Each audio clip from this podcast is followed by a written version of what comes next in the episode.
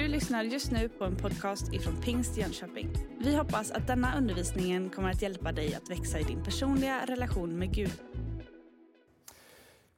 Om du har med dig din bibel skulle jag vilja att du följer med mig till Johannes evangeliet kapitel 4. Så ska vi snart läsa många verser tillsammans. Så jag ska bara be dig att du ska få, eller ge dig chansen att få hänga med.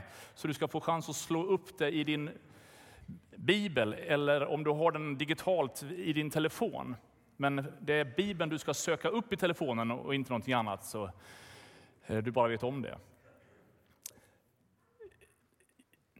Det här är en bibeltext som på så många sätt har utmanat mig, som har uppmuntrat men också provocerat mig till en del. Och jag har liksom känt i min bön och förberedelse att det finns några bitar i detta som jag tror att Gud vill hjälpa oss att förstå. Och när vi läser den här bibeltexten så skulle jag önska att du bara liksom fortsätter att sitta med det där öppna hjärtat som vi alldeles nyss hade när vi bad och att någonstans bara låta Gud få tala. Jag är helt övertygad om att vi är olika människor i det här rummet. Det finns olika situationer och Gud han behöver göra många olika saker samtidigt, vilket han är fullt kapabel att göra. Men därför så tror jag också att det kommer finnas olika stråk genom den här förkunnelsen som på lite olika sätt kommer vägleda dig. Men jag hoppas att hela predikan också får landa väl i ditt hjärta. I Johannes evangeliet kapitel 4 så möter vi Jesus och en samarisk kvinna. Ska vi stå upp och läsa många bibelverser tillsammans?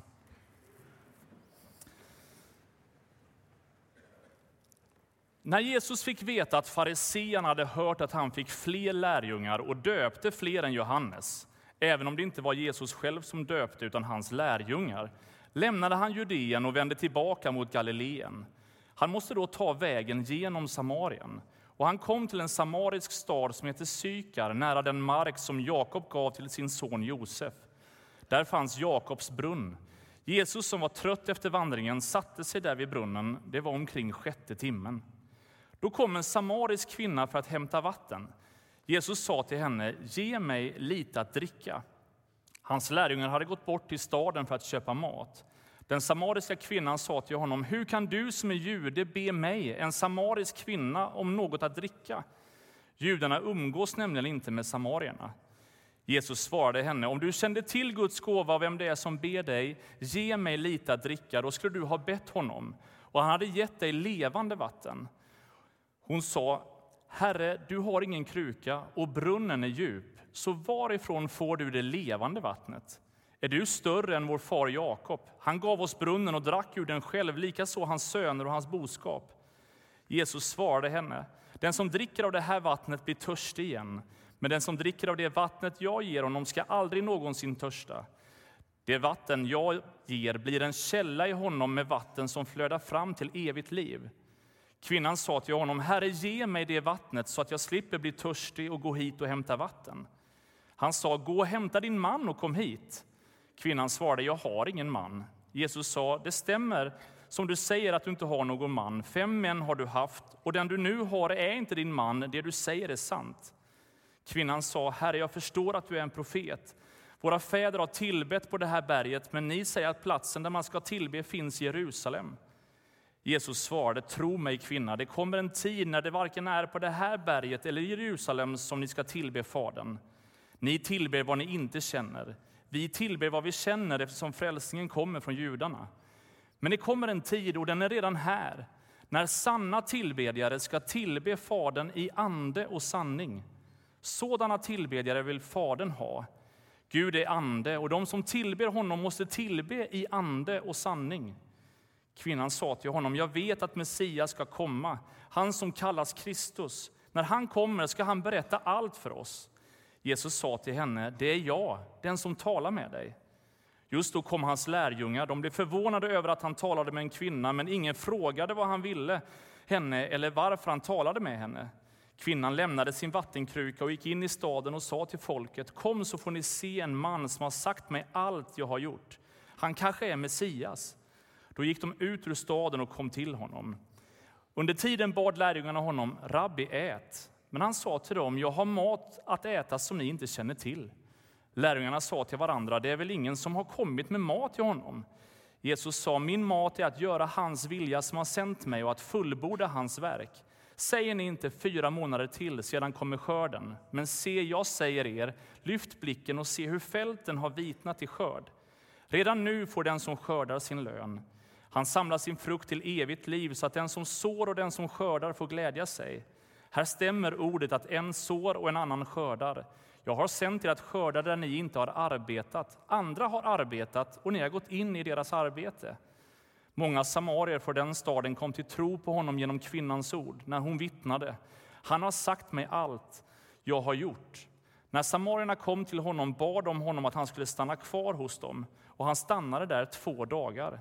Många fler till, kom till tro på grund av hans ord och de sa till kvinnan, nu tror vi inte bara på grund av vad du har sagt, vi har själva hört och vi vet att han verkligen är världens frälsare. Amen. Varsågod och sitt. Det finns ju de som betalar dyra pengar för gymkort, men det är mycket bättre att gå på gudstjänst och få stå och sitta och lyfta händer och böja knän. Ja, det finns så många, många bra bitar av att gå på gudstjänst. Under några veckor bakåt så har vi haft ett tema i kyrkan om att vara ett bönens hus för alla folk. Ett annat liksom, eh, bibelsammanhang där Jesus rensar templet för att bana väg för människor att komma till honom. Och här ser vi faktiskt evangeliet praktiseras på ett liknande sätt. Samarierna var ett folk som de judiskt troende och de liksom, judafolket inte ville ha att göra med. En rättrogen jude gjorde ofta allt han kunde för att undvika att gå genom Samarien. Man tog ofta en väg runt omkring.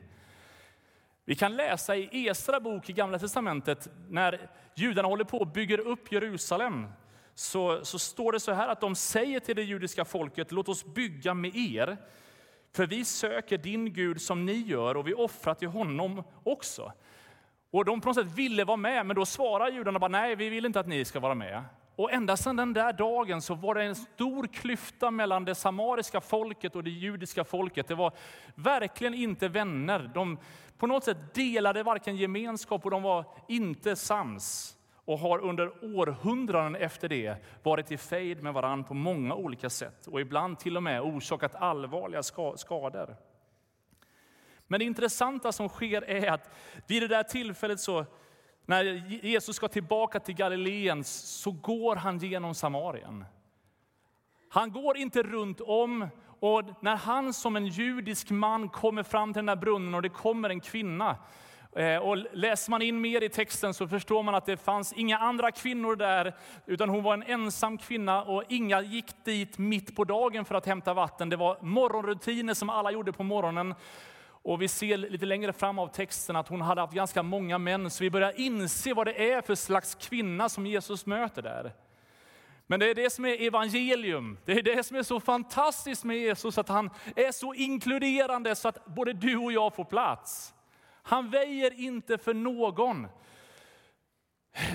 Ibland så är jag ute och flyger och när jag ska resa så försöker man alltid hitta de billigaste flygbiljetterna. Och när man har de billigaste flygbiljetterna så får man vara glad att man liksom har en sittplats. Man är ju långt bort från den prioriterade kön. Man får på något sätt stå längst bak, man får knappt plats med sitt handbagage och det finns liksom inga förmåner.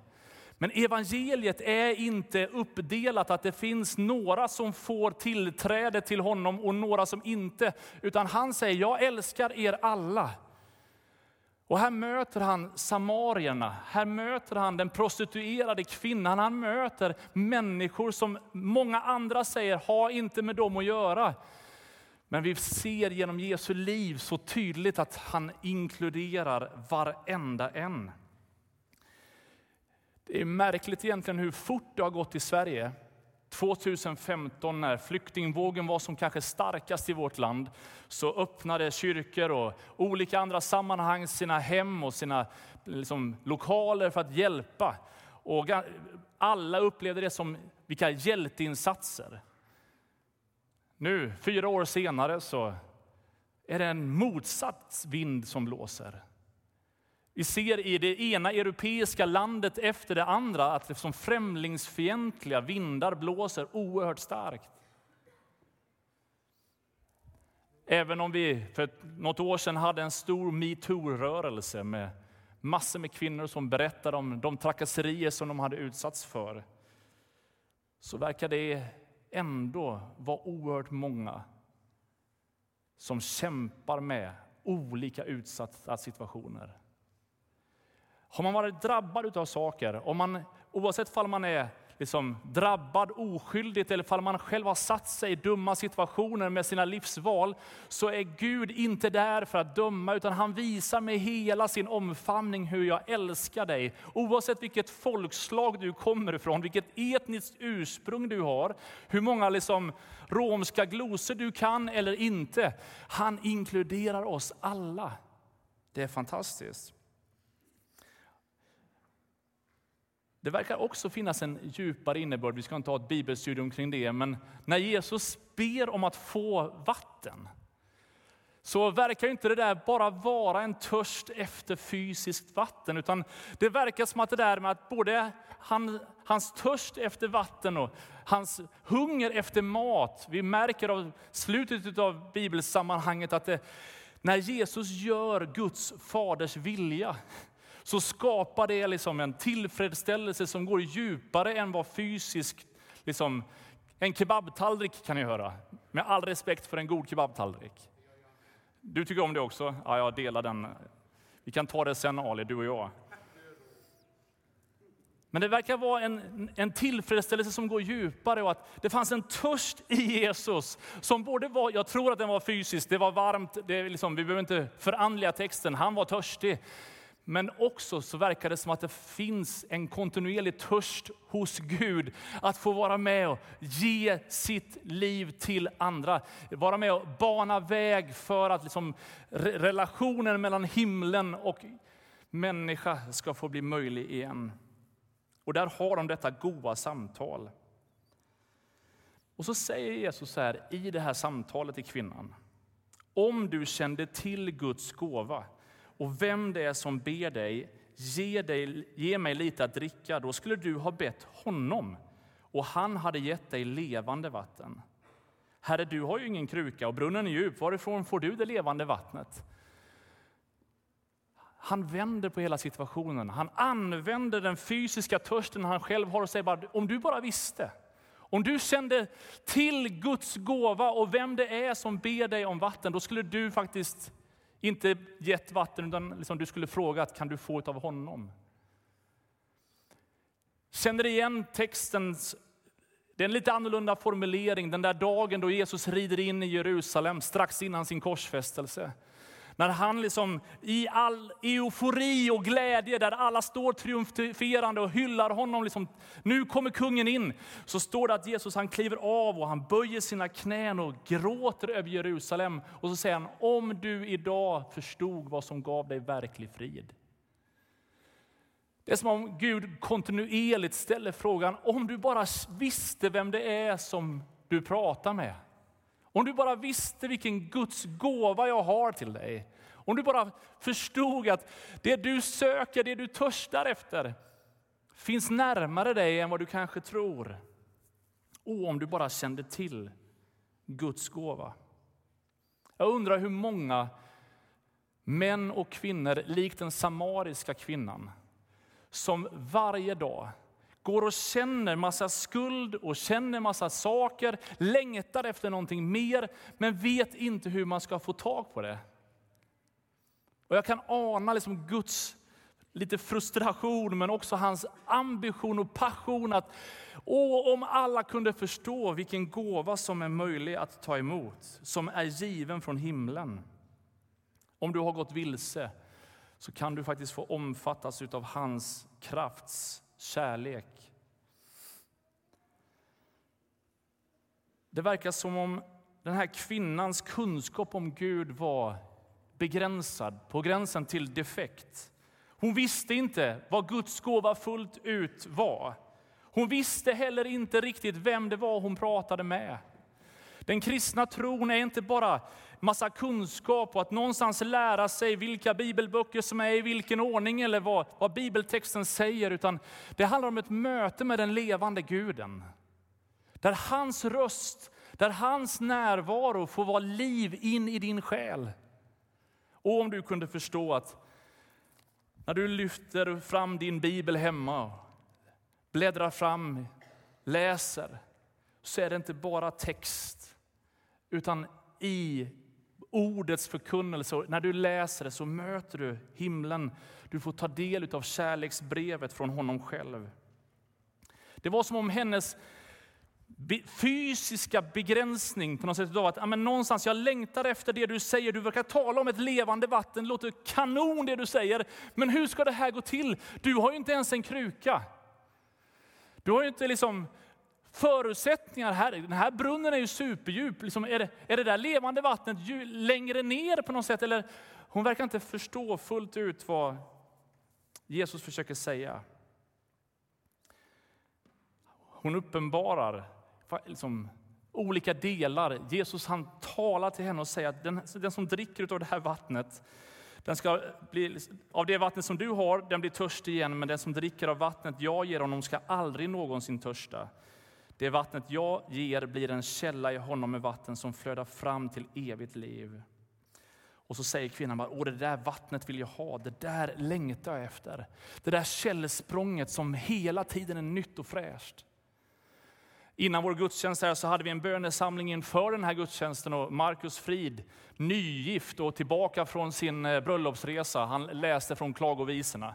Och där det står att varje morgon så är hans nåd ny. Det är ju fantastiskt. Varenda dag så får du en ny fräsch närvaro, upplevelse av vem Gud är. Du behöver inte leva på minnenas arkiv, utan varje dag kan du få ta del av det där källsprånget. När jag själv har speglat mig i de här bibelverserna så har jag tänkt och funderat hur friskt är det där källsprånget i mig? För jag har förstått tillräckligt mycket att stilla vatten är perfekt för vattenskidor. Men om ett vatten blir stilla så ökar risken för att bakterier ska frodas. Det måste finnas ett fräscht inflöde och det måste finnas ett gott utflöde, annars så kommer vattnet inte bli sunt. Och jag har reflekterat över mitt eget liv. Finns det en kontinuerlig fräsch påfyllning i mitt liv? Och finns det ett naturligt utflöde? Så att den där källan får fortsätta att vara frisk och livgivande i mig. Att Guds ande inte bara är berättelser från när jag var 14 år och var på läger, utan när jag idag, 42 år gammal, lever mitt liv så gör anden varje morgon det här i mitt liv. Ja, du får reflektera över din situation, men löftet gäller oss. Att vi kan få leva i det här källsprånget, att varje dag få leva i hans fräscha närvaro. En frisk källa till liv.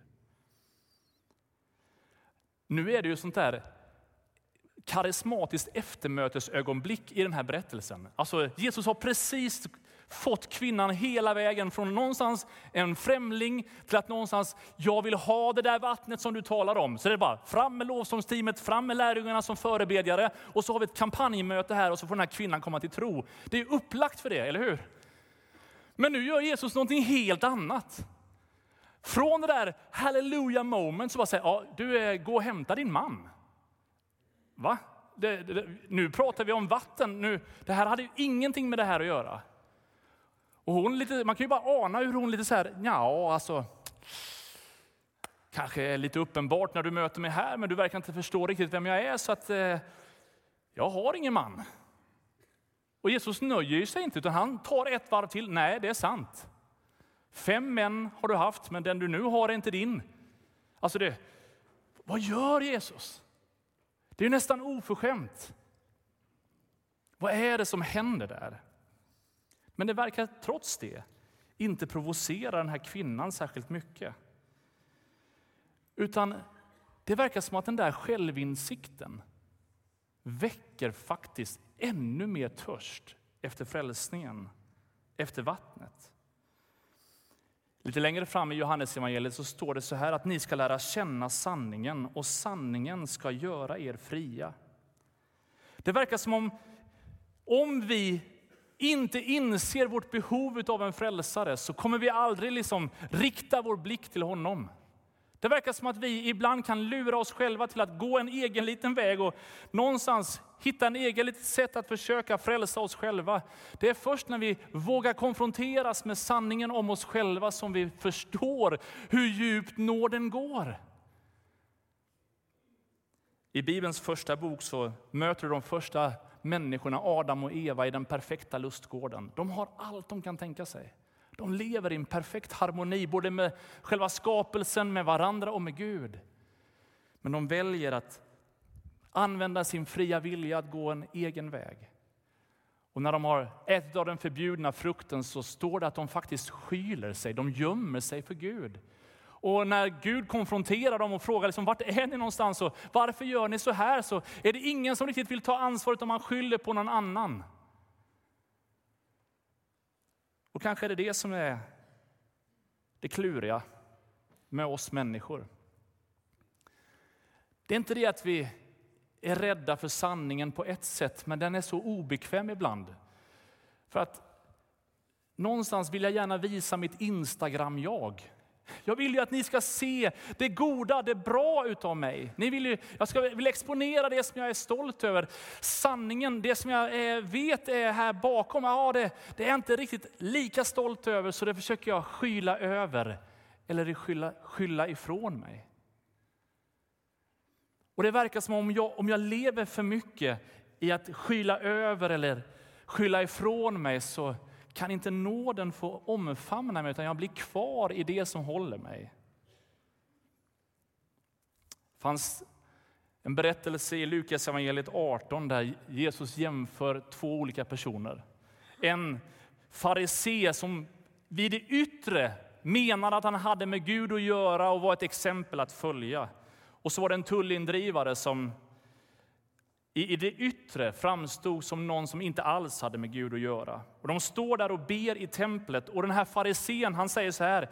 Gud, jag tackar dig för att jag inte är som andra människor. Och man skulle önska att han stannade sin bön där, för det är ju på något sätt fint att jag får vara unikt skapad, men det är inte så han menar. Han säger, jag är inte som roffare, brottslingar, äktenskapsbrytare eller som den där tullindrivaren. Jag fastar två gånger i veckan, jag ger tionde av allt som jag får in. Han bara bröst, slår sig för bröstet och liksom bara, jag, jag är så bra, jag är så grymt glad för att jag är så mycket bättre än alla andra. Den här tullindrivaren som till det yttre inte hade nått. Han vågade inte ens lyfta blicken mot himlen utan han slog sig också för bröstet men av förtvivlan. Och han bad Gud, förlåt en syndare som mig. Jag säger er, säger Jesus, han gick hem rättfärdig, inte den andra. Det är om vi inte vågar, orkar, klarar konfronteras med sanningen om oss själva så kommer frälsarens kraft inte att kunna resa upp oss. Om vi skyler, liksom, försöker gömma, hålla det undan eller skylla ifrån oss, det är liksom inte mitt, ja, men då verkar det omöjligt för den frälsande kraften att fullt ut återupprätta oss. Så det verkar som att även om Jesus provocerar kvinnan med hennes verklighet, så är det någon slags en befriande känsla att någonstans bara få säga som det är. Jag behöver inte liksom låtsas som om det är bra, jag kan få säga som det är och någonstans möter Gud mig i den sanningen. Och där fortsätter evangeliet att ta oss med att faktum är att det är där sann tillbedjan föds. Jesus fortsätter att det kommer en tid, ja den är redan här, när sanna tillbedjare ska tillbe Fadern i ande och sanning. Sådana tillbedjare vill Fadern ha. Gud är ande och de som tillber honom måste tillbe i ande och sanning. Tänk att den här samariska kvinnan som var av fel folkgrupp, som var av fel kön och som var liksom med hela sitt livsmönster så fel ute, är den som får vara med och upp får uppenbarelse över att Gud är ande. Ja, det finns så många bottnar i det. Så ska du, det här, du ska gå på bibelstudiet om en och en halv vecka när vi påbörjar och ska borra lite djupare i vem Gud är. Men, så vi tar det då. Men det är fantastiskt att Gud uppenbarar så mycket av sig självt för enkla människor. Och så säger han att sann tillbedjan, det som Fadern längtar efter, är människor som tillber honom i ande och sanning. Att någonstans få lyfta sina händer i lovsång och säga Gud, det här är mitt liv.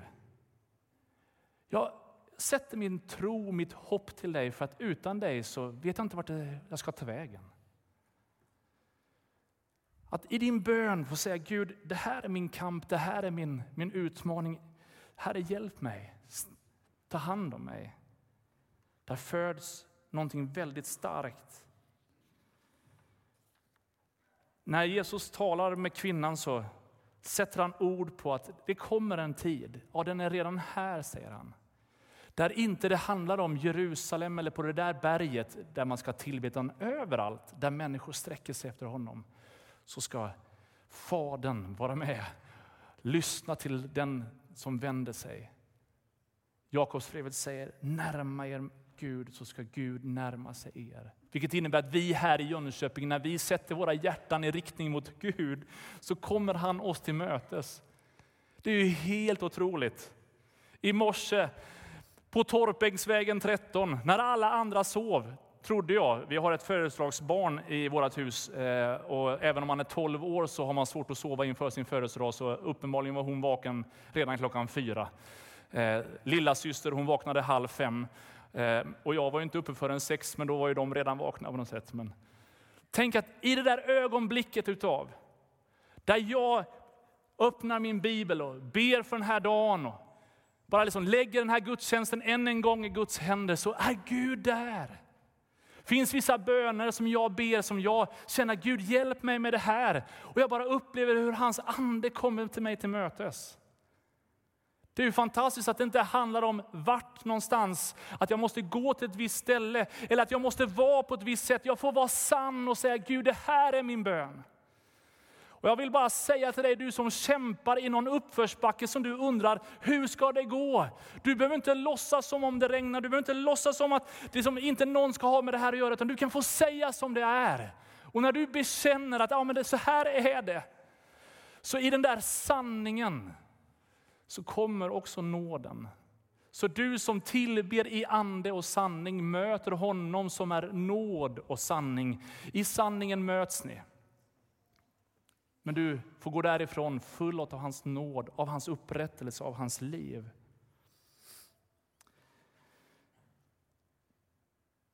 Det händer någonting vackert där när vi orkar och vågar svara ärligt om oss själva.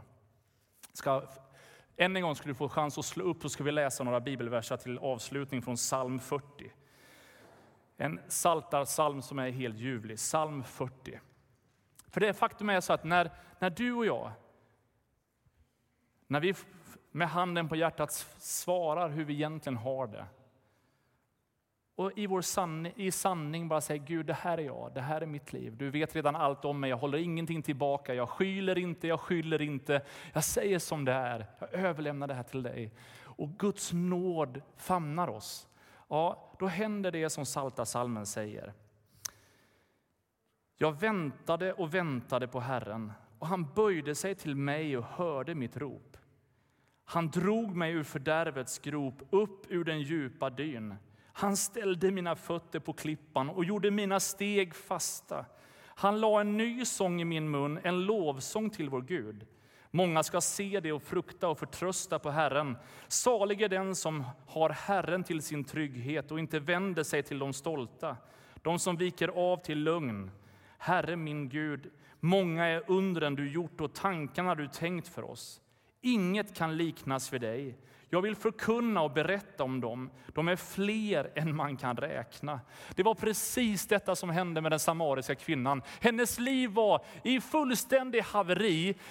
I mötet med Kristus så är det inte bara filosofi och goda tankar, utan hon får uppleva kraften av evangeliet. Nåden strömmar över henne när hon bekänner vem hon är och vem, vilken längtan hon har. Hon bara aktiverar hela himlens kraft över sitt liv. Och det föder en ny sång. Hon som förut har dratt sig undan, som kanske inte sökte liksom, så mycket eh, rampljuset. Liksom. Nu kliver hon in i staden och säger kom, följ med här, ni måste möta den som jag har mött. Och så kommer en hel stad till tro på grund av en kvinnas möte med det som hon trodde var omöjligt. Och jag skulle önska att den där nya sången fick ljuda från ditt och mitt hjärta. När tacksamheten till Gud är stor i våra liv kan vi inte annat än att tillbe honom. När jag inser vilken arm syndare jag själv är. När jag inser att jag klarar inte det här själv så aktiveras himlens kraft och godhet över våra liv. Min bön för den här söndagen är att du som idag behöver få uppleva en sån där skön, befriande renhet in i ditt liv. Kanske är det så att du behöver ta emot förlåtelse i ditt liv. Kanske är det någonting här på insidan som har gått sönder som du behöver bli helad ifrån. Kanske är det så att du har gjort eller sagt eller tänkt massa saker som har blivit tungt att bära och det, du bär på skuld som du behöver bli befriad ifrån. Kanske är det saker som har drabbat dig som har gjort att det är inte så lätt att ta på vad det är, men det finns en skam där du på något sätt inte ser på dig själv med goda ögon. När Jesus konfronterade kvinnans liv så var det inte för att döma, utan för att uppenbara sanningen. Och när hon såg sitt liv genom Guds ögon så var det inte dom, straff, utan det var nåd, det var liv, det var helande, det var upprättelse. Och om Gud i den här gudstjänsten pekar på någonting i ditt liv som du inte är stolt över, som du inte liksom vill exponera för allt och alla, så är det inte för att hänga ut dig eller att trycka dig åt sidan, utan att omfamna dig så att du kan få bli hel. Ska vi resa oss upp över hela vår kyrka igen? Du har suttit en stund.